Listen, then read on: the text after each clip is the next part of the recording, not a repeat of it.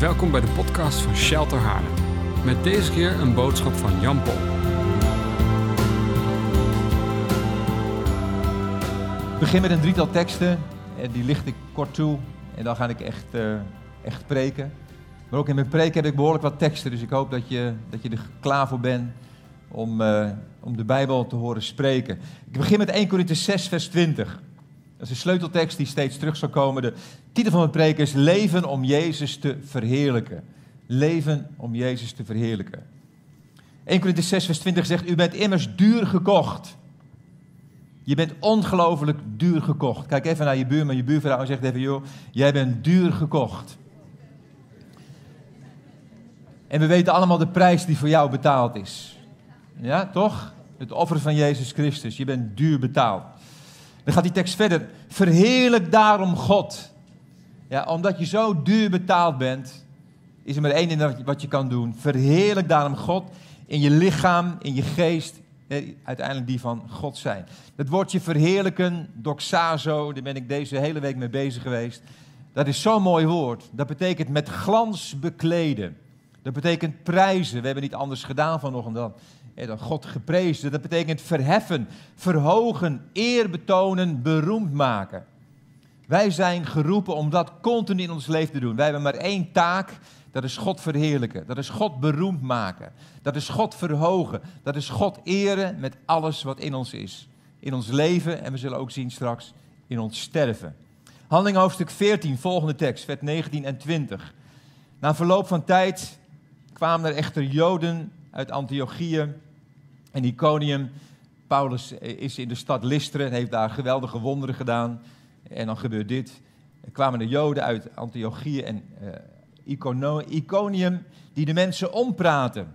En dan gebeurt het. Ze stenigden Paulus en sleepten hem vervolgens de stad uit in de veronderstelling dat hij dood was. Even in die tijd, als er in die tijd gestenigd werd, was het enige doel om diegene inderdaad te doden.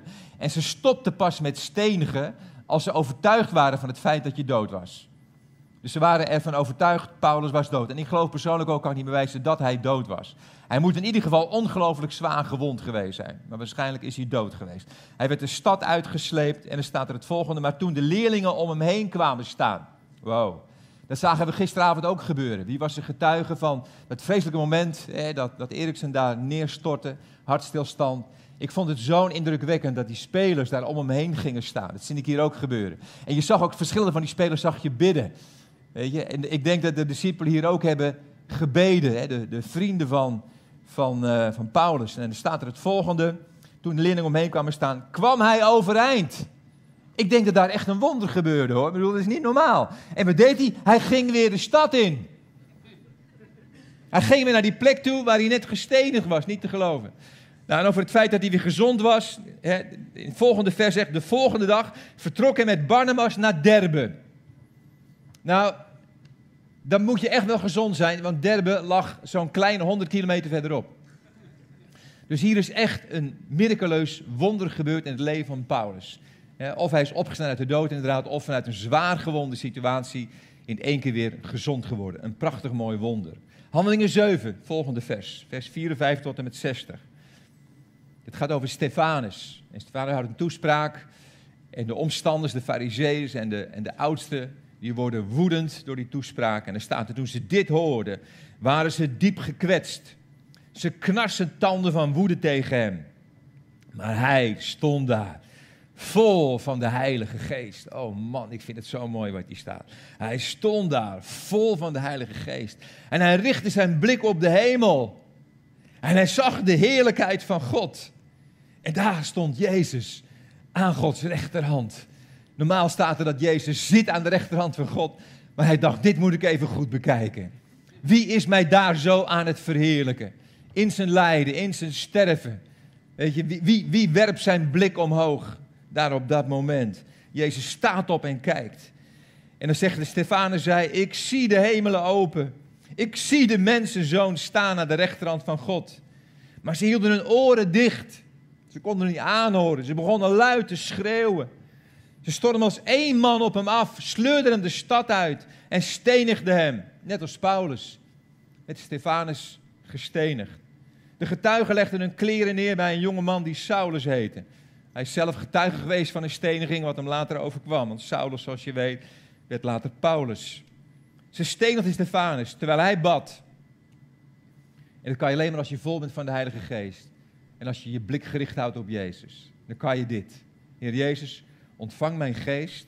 Hij viel op zijn knieën en riep met luide stem: Heer, reken hun deze zonde niet aan. Na deze woorden stierf hij. Vader, dank u wel voor uw kostelijk woord, Heer. Heilige Geest, wilt u komen ook op dit moment. Heer, als u me een indringende boodschap op mijn hart hebt gelegd, Heer, dan bid ik echt of de harten open mogen staan van de mensen in de zaal, van de mensen thuis, mensen die op een later moment kijken. Heer, en wilt u de boodschap gewoon ja, dwars door alle gedachten heen, alle belemmeringen heen, in harten doen neerkomen. Dit bid ik u zo in Jezus' naam. Amen. Afgelopen dinsdag keek ik een, uh, een prachtig mooi filmpje van Expedition Glory. En uh, over Maria, Maria Geeltjes. Ja. En uh, een prachtig wonder. Maria die was, had te horen gekregen van de arts dat ze ongeneeslijk ziek was. Wordt op wonderbaarlijke wijze genezen. Mag ik zeggen, op dit moment, God is goed? Zullen we God een applaus geven daarvoor? Hij heeft een wonder gedaan. God is goed. Dat was afgelopen dinsdag. Afgelopen dinsdag heb ik ook naar iets anders gekeken. Naar de afscheidsdienst van Paulina Soetebier. Die veel te jong gestorven is aan kanker. Is God nog steeds goed? Kunnen we nog steeds juichen voor diezelfde God? Ik weet niet of u Paulina gekend heeft. Wie heeft Paulina gekend? Ja. Nou, Paulina was een heel bijzondere vrouw. Die op een ongelooflijke manier door God gebruikt is. Pauline heeft op allerlei soorten podia gestaan. Op kleine podia, op podia van 40, 50.000 mensen. De wereld rondgereisd, samen met Matthäus van der Steen. Een hele bijzondere vrouw. Wij hebben haar ook persoonlijk gekend. Een hele lieve, lieve, lieve vrouw. Op een WhatsApp-groep van leiders uit het land werden er geweldige dingen over haar gezegd. Ik noem er een aantal. Diep verdrietig voor de familie en geschokt hoe ziekte zulke mooie mensen wegneemt. We zullen haar blijvend herinneren in de liederen, haar stem en de diepte van haar aanbidding. Een andere leider zei: Het is onwerkelijk. Wat een bijzondere vrouw van God was ze. Zelfs in haar ziekte sprak ze vooral over God en niet over zichzelf. Ze heeft me diep geraakt. Weer een ander. Onmiskenbaar een van de belangrijkste stemmen in ons land als het gaat om worship en aanbidding. Ze werd ook wel de moeder van de worship leaders in het land genoemd. Een diep gevoel van verdriet en gemis, zei een ander, voor heel Nederland en tot ver daarbuiten. Een ogenschijnlijk onverwoestbaar boegbeeld van totale overgave aan Jezus. Bleek het ons verdriet kwetsbaarder dan we voor mogelijk hadden gehouden. Afgelopen maandag werd ik nog gebeld door degene die de afscheidsdienst van Paulina leidde. Hij wilde even spiegelen, even feedback over de dienst met me hebben. En op een paar moment tijdens het gesprek zei Jan, ik begrijp het niet. Ik heb zoveel waaroms. Hij zegt, Pauline werd zo krachtig door God gebruikt. Was zo'n bijzondere vrouw. Zo toegewijd, zo puur aan God. waarom juist Paulina? Zo'n mooie vrouw, zo krachtig gebruikt door God. Waarom moest Paulina sterven? Het lijkt zo onlogisch. Ook Stefanus was een bijzondere mens van God. Ook nog in de bloei van zijn leven. Er wordt van hem gezegd dat hij een man was vol van geloof en vol van de geest. Dat wordt niet van iedereen gezegd zomaar. Hij was vol van geloof, vol van de geest. Er wordt gezegd dat er grote, er staat niet gewoon, nee, grote wonderen en tekenen door zijn handen geschieden. Hij veroorzaakte opwekkingen. Een man geweldig door God gebruikt. En waarom moest deze prachtige man van God sterven? Petrus wordt gevangen genomen en wordt op miraculeuze, miraculeuze wijze bevrijd door engelen. Jacobus wordt gevangen genomen en sterft door onthoofding. Paulus wordt gestenigd, hebben we gezien, en staat weer op. Stefanus wordt gestenigd en sterft. Maria heeft een ongeneeslijke ziekte en geneest. Paulina heeft een ongeneeslijke ziekte en sterft. Jouw kindje wordt gezond geboren, maar het kindje van je vriendin wordt geboren met een open ruggetje. Begrijp jij het? Heb jij een antwoord? Hadden Jacobus, Stefanus en Paulina tekort geloof? Is er te weinig voor ze gebeden? Was er wellicht zonde in hun leven? Was het hun tijd? Hadden ze een missie hier op aarde voltooid? Wilde God hen heel graag bij zich hebben? Zijn ze geroofd? Is God wel eerlijk? Vragen, vragen, vragen. En ik heb van de week opgeschreven: vragen waarop zo vaak goedkope, ongevoelige en onzinnige antwoorden klinken. Daar zijn we heel erg goed in als christenen. Om ongevoelige, onzinnige en goedkope antwoorden te geven. Ik heb geen antwoorden. Wat ik wel weet, is dat het ons opnieuw confronteert met het feit dat we in een gebroken wereld leven. Amen.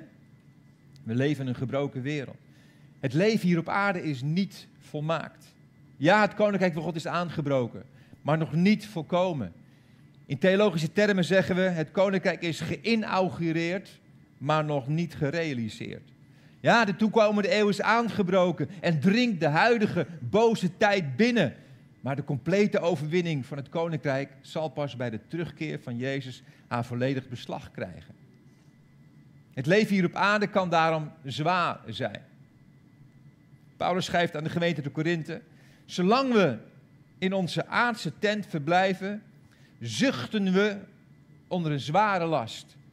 Diezelfde Paulus die herhaaldelijk zegt: Verblijd je te alle tijden, zegt hier dat hij onder een zware last gebukt gaat. Hij zegt niet alleen ik, wij allemaal, zolang we in onze aardse tent verblijven, zuchten we onder een zware last.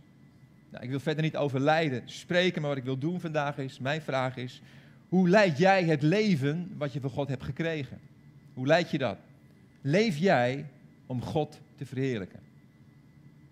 Leef jij om God te verheerlijken? Is dat wat jouw levensmotto is, wat jouw levensthema is? Je bent immers duur gekocht. Verheerlijk daarom God in je lichaam en in je geest. Met glans bekleden, weet je nog, prijzen, verheffen, verhogen, eer betonen, beroemd maken. Hoe doen we dat, Jan? Help me. Hoe kan ik God verheerlijken? Doen we dat op zondagmorgen door met elkaar te zingen? Wij verhogen u. Ja, ook. Dat wil ik niet, niet wegwuiven. Maar als het daarbij blijft, als je leven bestaat uit het verheerlijken van God tijdens de zondagochtenddienst, dan leid je wel een armetierig leven en niet het leven wat God heeft bedoeld. Dus hoe doen we het dan? Hoe verheerlijken wij God uiteindelijk? Nou, ik ga heel veel teksten over je uitgieten. Johannes 15, vers 8. Hierin wordt mijn Vader verheerlijkt, dat u veel vrucht draagt. Dus heb je het eerste antwoord. Hoe kan ik God verheerlijken, Jan? Door veel vrucht te dragen. Nou, die vrucht heb ik de afgelopen jaren heel vaak niet gezien bij christenen. De vrucht van blijdschap bijvoorbeeld. Ik heb heel veel ontevreden, mopperende, verzetplegende, weet ik wat, christenen gezien. En geen christenen die overvloeien van blijdschap. Ja, we hebben God niet verheerlijkt op dat moment. Vrucht van de geest verheerlijkt God. Volgende Matthäus 5 vers 16. Laat uw licht zo schijnen voor de mensen, dat zij uw goede werken zien en uw Vader in de hemel is verheerlijken. Door goede werken te doen. Gewoon, simpel. Ik weet, hè, we zijn behouden door geloof, niet door werken. Maar vanuit het geloof in God doen wij uiteindelijk goede werken. En wat zegt de Bijbel? Dan verheerlijken we God. Matthäus 15, vers 31. En ze legden ze voor de voeten van Jezus en hij genas hen. Zodat de menigte zich verwonderde. En toen ze zagen dat zij, die niet hadden kunnen spreken, konden spreken. Dat verlamden gezond waren. De kreupelen konden lopen. En de blinden konden zien. Verheerlijkten zij de God van Israël. De genezing van Maria heeft God verheerlijkt. Ja, dus wonderen en tekenen verheerlijken God. Dus laten we ons blijven uitstrekken en blijven bidden voor wonderbaarlijke genezingen. Komt er nog eentje. Johannes 17, vers 4. Jezus zegt, ik heb u verheerlijkt op aarde door het werk te voleindigen dat u mij te doen gegeven hebt. Dus het doen van de wil verheerlijkt God. Doe jij de wil van God? Ja, Jan, wat is de wil van God? Nou, heb je even. Je hebt een heel boek gekregen waarin de wil van God staat geopenbaard voor je leven. Ik dacht, laat ik er eentje uitpikken, een simpele, die niet zo moeilijk is. En waar we God mee verheerlijken. Daar komt hij, 1 Thessalonicense 5 vers 17. Dank God altijd, wat er ook gebeurt. Want dat wil God van jullie. Nou, ik zal heel eerlijk zijn, ik vind dit een ongelooflijke lastige opdracht. Wie nog meer? Wees even eerlijk. Nou, gelukkig dat ik reisgenoten heb. Ja? Ik heb momenten in mijn leven dat ik absoluut het gevoel heb dat ik God niet kan danken. Dat ik gefrustreerd ben, dat ik somber ben, dat ik depressief ben, dat ik boos ben, dat er van alle emoties in mij spelen. Maar ik heb de keus gemaakt in mijn leven, en ik hoop jij ook, Heer, maar uiteindelijk wil ik dit doen. Waarom? Want ik wil u verheerlijken. Ik wil niet blijven in mijn verdriet, ik wil niet blijven in mijn pijn, ik wil niet blijven in mijn gemopper. Uiteindelijk wil ik u verheerlijken en een leven leiden wat u verheerlijkt door dankbaar te zijn. Volgende tekst. 1 Petrus 4, vers 6. Spreekt iemand, laat het woorden zijn als van God. Dient iemand, laat het zijn als uit kracht door God verleent, opdat in alles God verheerlijkt worden. Dus het komt hierop neer, jongens, wat je ook doet, zegt hij, zorg ervoor dat in wat je doet God verheerlijkt wordt. Dan komt er nog een ingewikkelde, 1 Petrus 4, vers 16. Als iemand als christen leidt, als iemand als christen leidt, laat hij zich daarvoor niet schamen, maar God in het opzicht verheerlijken. hey, dus nu gaan we God ook verheerlijken in ons lijden. En we zullen zien, je kunt God zelfs verheerlijken in je sterven. Johannes 21, daar, daar zegt Jezus iets over de wijze waarop Peter zal sterven. En dan zegt hij het volgende. Hiermee verkondigde hij door wat voor dood Petrus God zou verheerlijken. Wow, zie je dat? Petrus heeft door zijn dood God verheerlijkt. Dat hebben bijna alle apostelen gedaan. Wist je dat? Judas heeft zich verhangen, dat weten we. Van de elf anderen is er eentje oud geworden, Johannes. En de rest is allemaal op jonge leeftijd uiteindelijk gestorven. Maar heeft God in dat sterven verheerlijkt. En dat is de reden waarom we hier op aarde zijn. Opnieuw, we verheerlijken God door vrucht te dragen, door wonderen en tekenen, door zijn wil van ons leven te doen, in ons spreken, in ons dienen, in ons lijden en door de wijze waarop we sterven. Wij zijn geroepen om hoe dan ook God te verheerlijken. Paulina en Stefanus leefden maar voor één doel: Jezus verheerlijken. En ze verheerlijkten God door hun leven uit te gieten voor Jezus. Een week voor de dood van Jezus werd hij samen met zijn discipelen uitgenodigd voor een maaltijd bij Simon de Melaatse. Nou, dat was een bijnaam. Ik ga ervan uit dat hij niet meer Melaats was, maar door Jezus was genezen. En waarschijnlijk een soort uh, dankbaarheidsmaaltijd uh, hield om dat te vieren. Maar hij werd nog steeds Simon de Melaatse genoemd.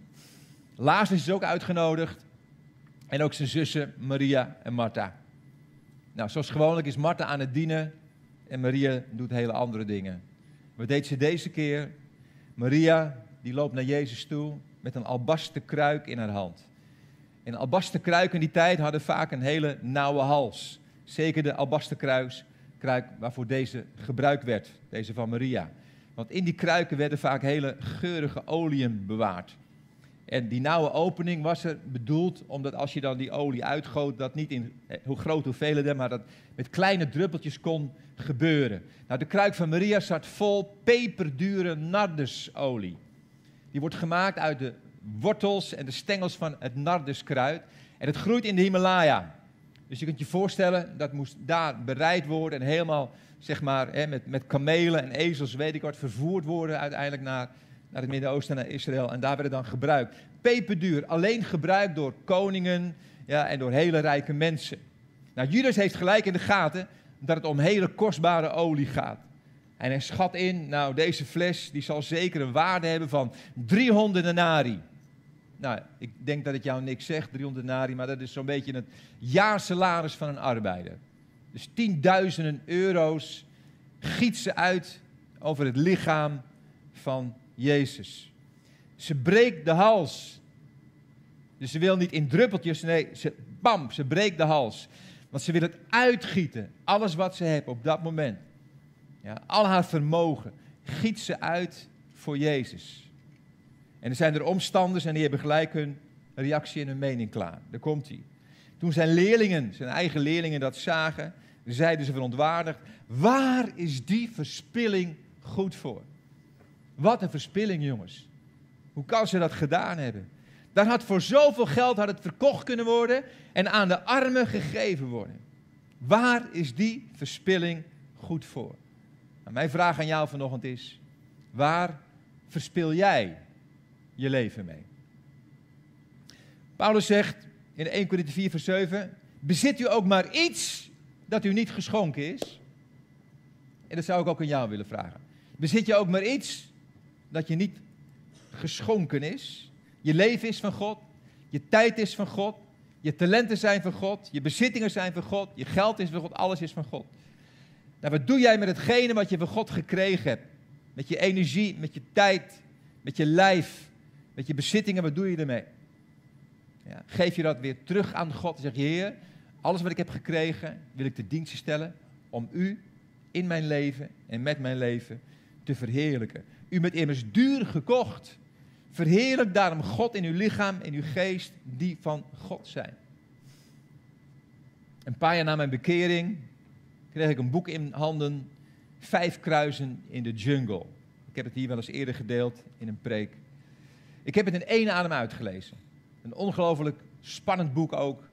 En wat je ademloos uitleest. Het is ook verfilmd, The End of All Spear. Prachtig mooie film.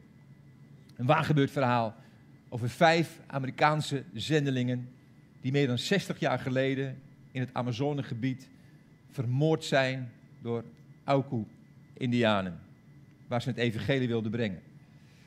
En ze wisten dat als ze daar naartoe gingen, dat het hun leven zou kunnen kosten, omdat bekend was dat nog nooit iemand levend was teruggekomen die deze stam bezocht had. En toch wilden ze daar het evangelie brengen. Vier van die vijf mannen hadden gestudeerd aan de universiteit. Ze waren begiftigd met enorm veel talenten. Ze hadden heel veel potentieel. Ze hadden geweldige mooie banen kunnen krijgen. Ze hadden een comfortabel leven kunnen leiden. Maar ze besloten, alle vijf, om maar één ding te doen. We willen leven voor Jezus en Hem verheerlijken. Voor hun betekende dat dat ze een roeping ervoeren om naar de Auka's toe te gaan. Dat wil niet zeggen dat wij allemaal dat soort stappen moeten doen. Dat je een minderwaardige christen bent als je niet dat soort grote stappen doet. Weet je, we hebben allemaal een verschillende roeping. En misschien ben je wel geroepen als doktersassistenten. En oom, om op die plek waar je werkt God te verheerlijken. Misschien ben je wel geroepen als een boekhouder. Ja, om daar op die plek, Erik, hè, God te verheerlijken. Misschien ben je gewoon geroepen als moeder voor je kinderen om op die plek God te verheerlijken. Dat is een heel persoonlijk iets. Wij mogen nooit oordelen over de roeping van een ander, wat een ander doet met zijn leven. Maar voor iemand kan dat zijn roeping zijn en kan dat het uitgieten van zijn leven zijn.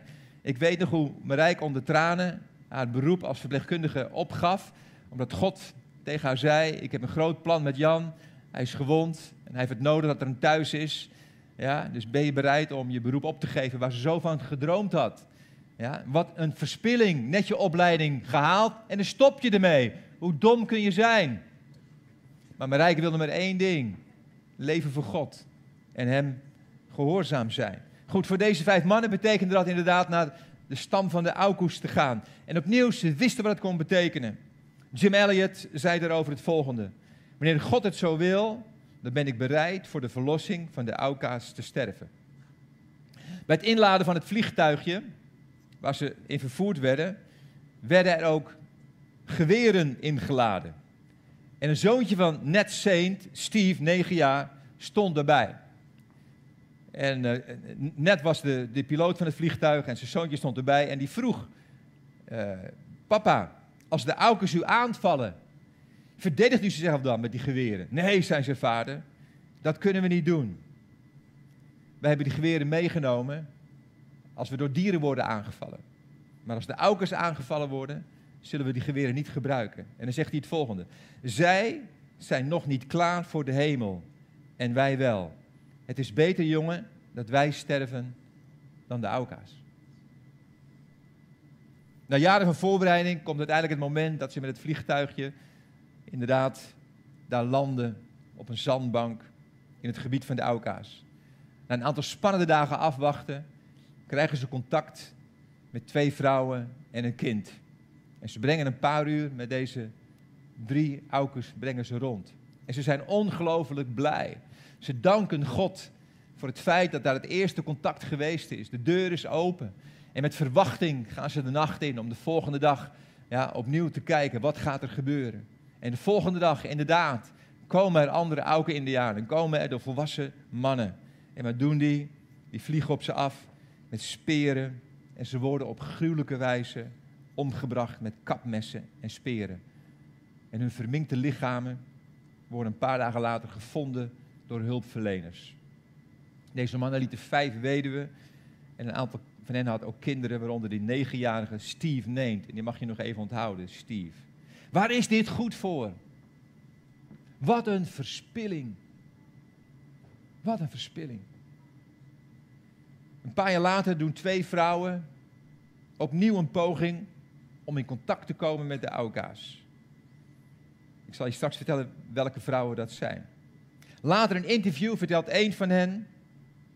Het lijkt misschien vreemd dat wij gewoon door konden gaan, maar ik heb de dood van de mannen ervaren als een deur die God voor ons opende.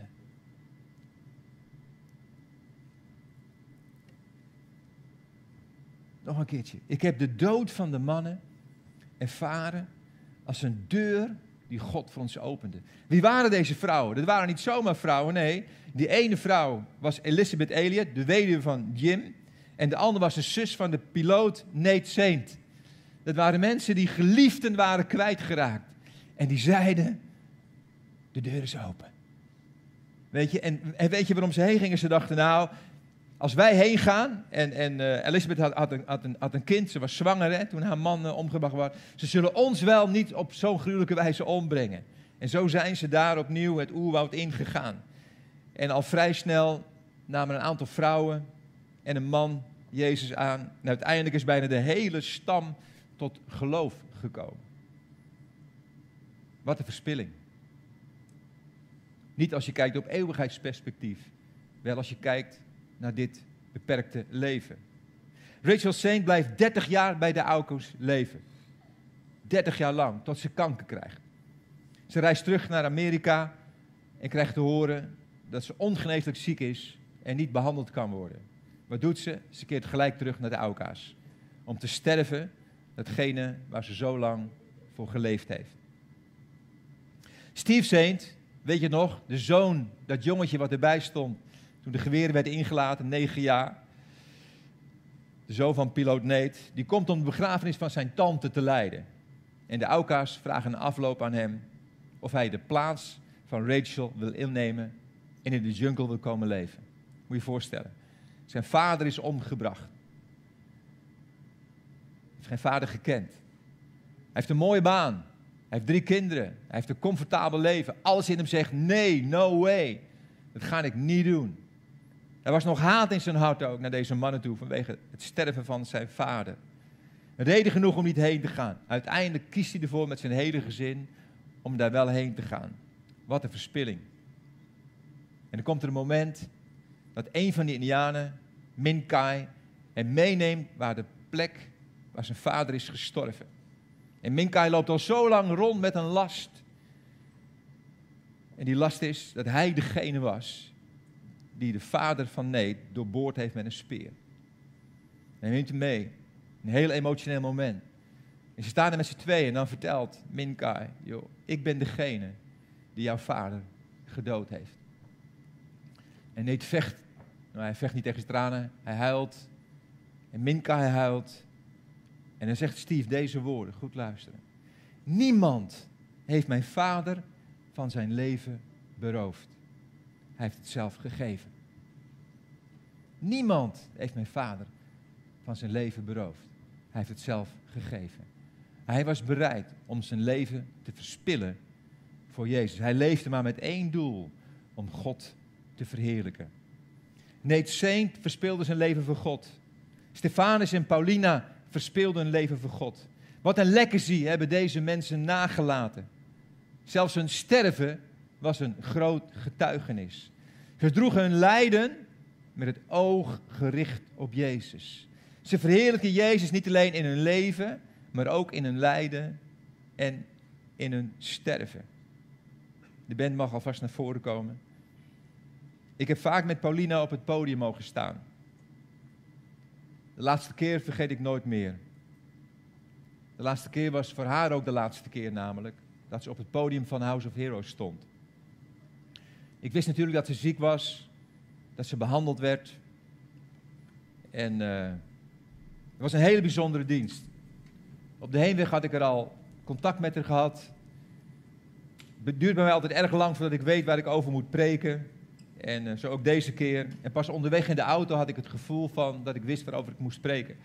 Dus ik sprak een WhatsApp berichtje in voor Paulina, die de aanbidding deed. Van Paulina, joh, ik heb een preek en die gaat alleen maar over Jezus. Ik wil maar één ding vanochtend, dat is Jezus verheerlijken, Jezus groot maken, Jezus centraal stellen. Dus zo, zo sprak ik dat appje in. En uh, ik zeg, joh, ik doe op een een proclamatie over Jezus. En als jij dat kan oppikken met het nummer Jezus overwinnaar, hè, waarin we dat... Uh, dus, nou, WhatsAppje gestuurd. Kreeg ik een WhatsAppje van de terug. En, uh, heel lieve Jan, en joh, wat is dit mooi. Ik heb alleen maar liederen die gaan over Jezus, zei ze. God heeft me zo voorbereid om Jezus centraal te zetten in deze eh, dienst. Het gaat een fantastische tijd worden. Het was een bijzondere dienst. Ik laat je straks een stukje daarvan van zien. Paulina was door de chemokuren ongelooflijk verzwakt. Maar ze stond daar als een krachtige leeuwin nog steeds op het podium Jezus te verheerlijken. Pauline was niet met zichzelf bezig. In de bid stond voor de dienst, begon ze op een bepaald moment te bidden voor voor alle muzikanten, apart. Alsof ze gewoon wist van, dit is wellicht de laatste keer. Ze begon over Marijke en mij, Marijke was er niet bij, maar ze begon, eh, over mij en Marijke te profiteren. Ze was niet met zichzelf bezig. Tot op het laatste toe heb ik de getuigenissen gehoord van mensen die hebben meegemaakt. Hè, tot het laatste toe was ze met één ding bezig. Ja, hoe kan ik anderen zegenen met mijn leven? Hoe kan ik Jezus verheerlijken? Hoe kan ik Jezus groot maken? En toen zong ze uiteindelijk het nummer voor mijn preek. En dan moet je even in gedachten hebben hoe verzwakt ze was. En na afloop hebben we nog even staan praten. Ze was zo moe. En toen vertelde ze aan me, Jan, de dokters hebben me opgegeven. Ik ben uitbehandeld. En dat was het laatste hè, wat, ik, wat ik met haar gesproken heb. Nou, ik, ik hoop dat hij er goed opkomt. Je mag hem aanzetten. En dan pikt de bender. Ik wil jullie vragen om te gaan staan. En als je op een bepaald moment voelt dat je moet meezingen, of dat je wil neerknielen, of weet ik wat, weet je, dan moet je dat doen.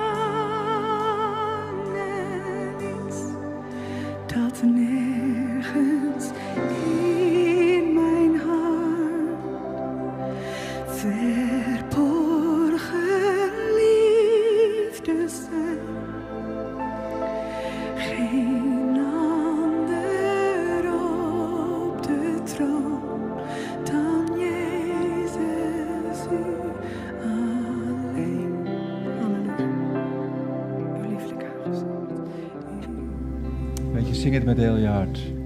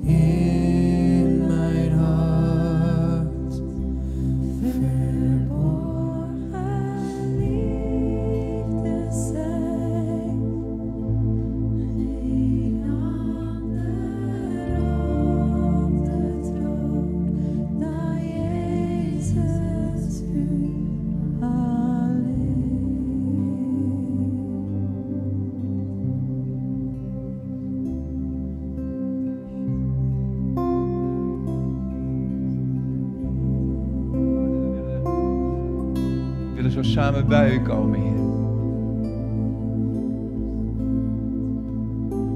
Zo vaak hoor ik mensen uitspraken doen over dat ze verlangen naar opwekking.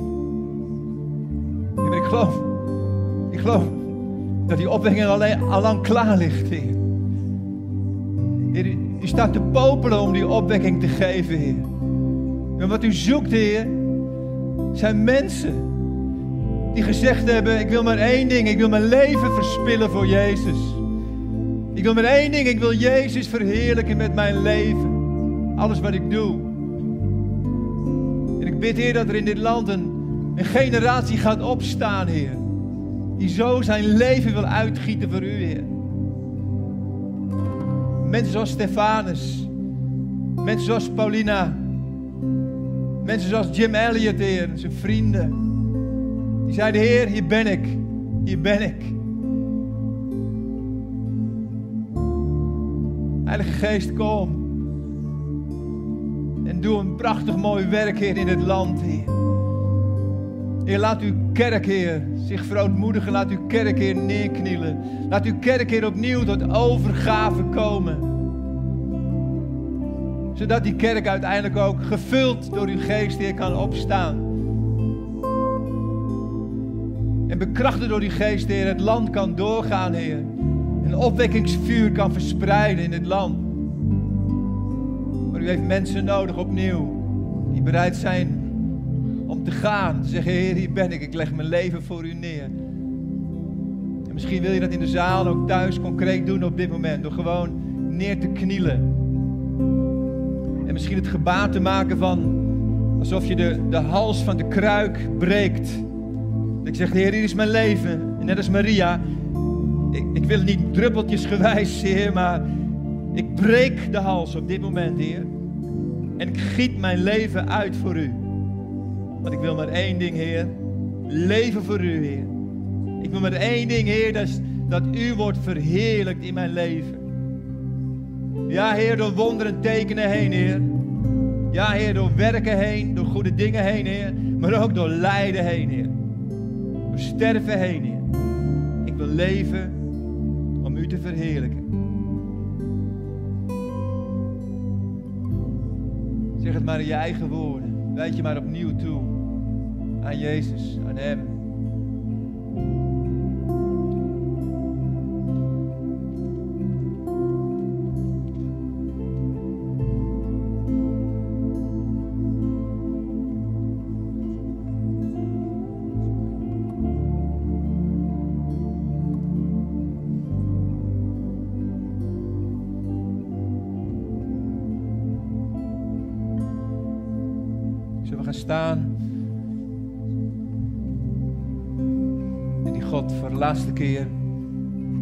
Met elkaar verhogen, beroemd maken, verheerlijken met onze woorden.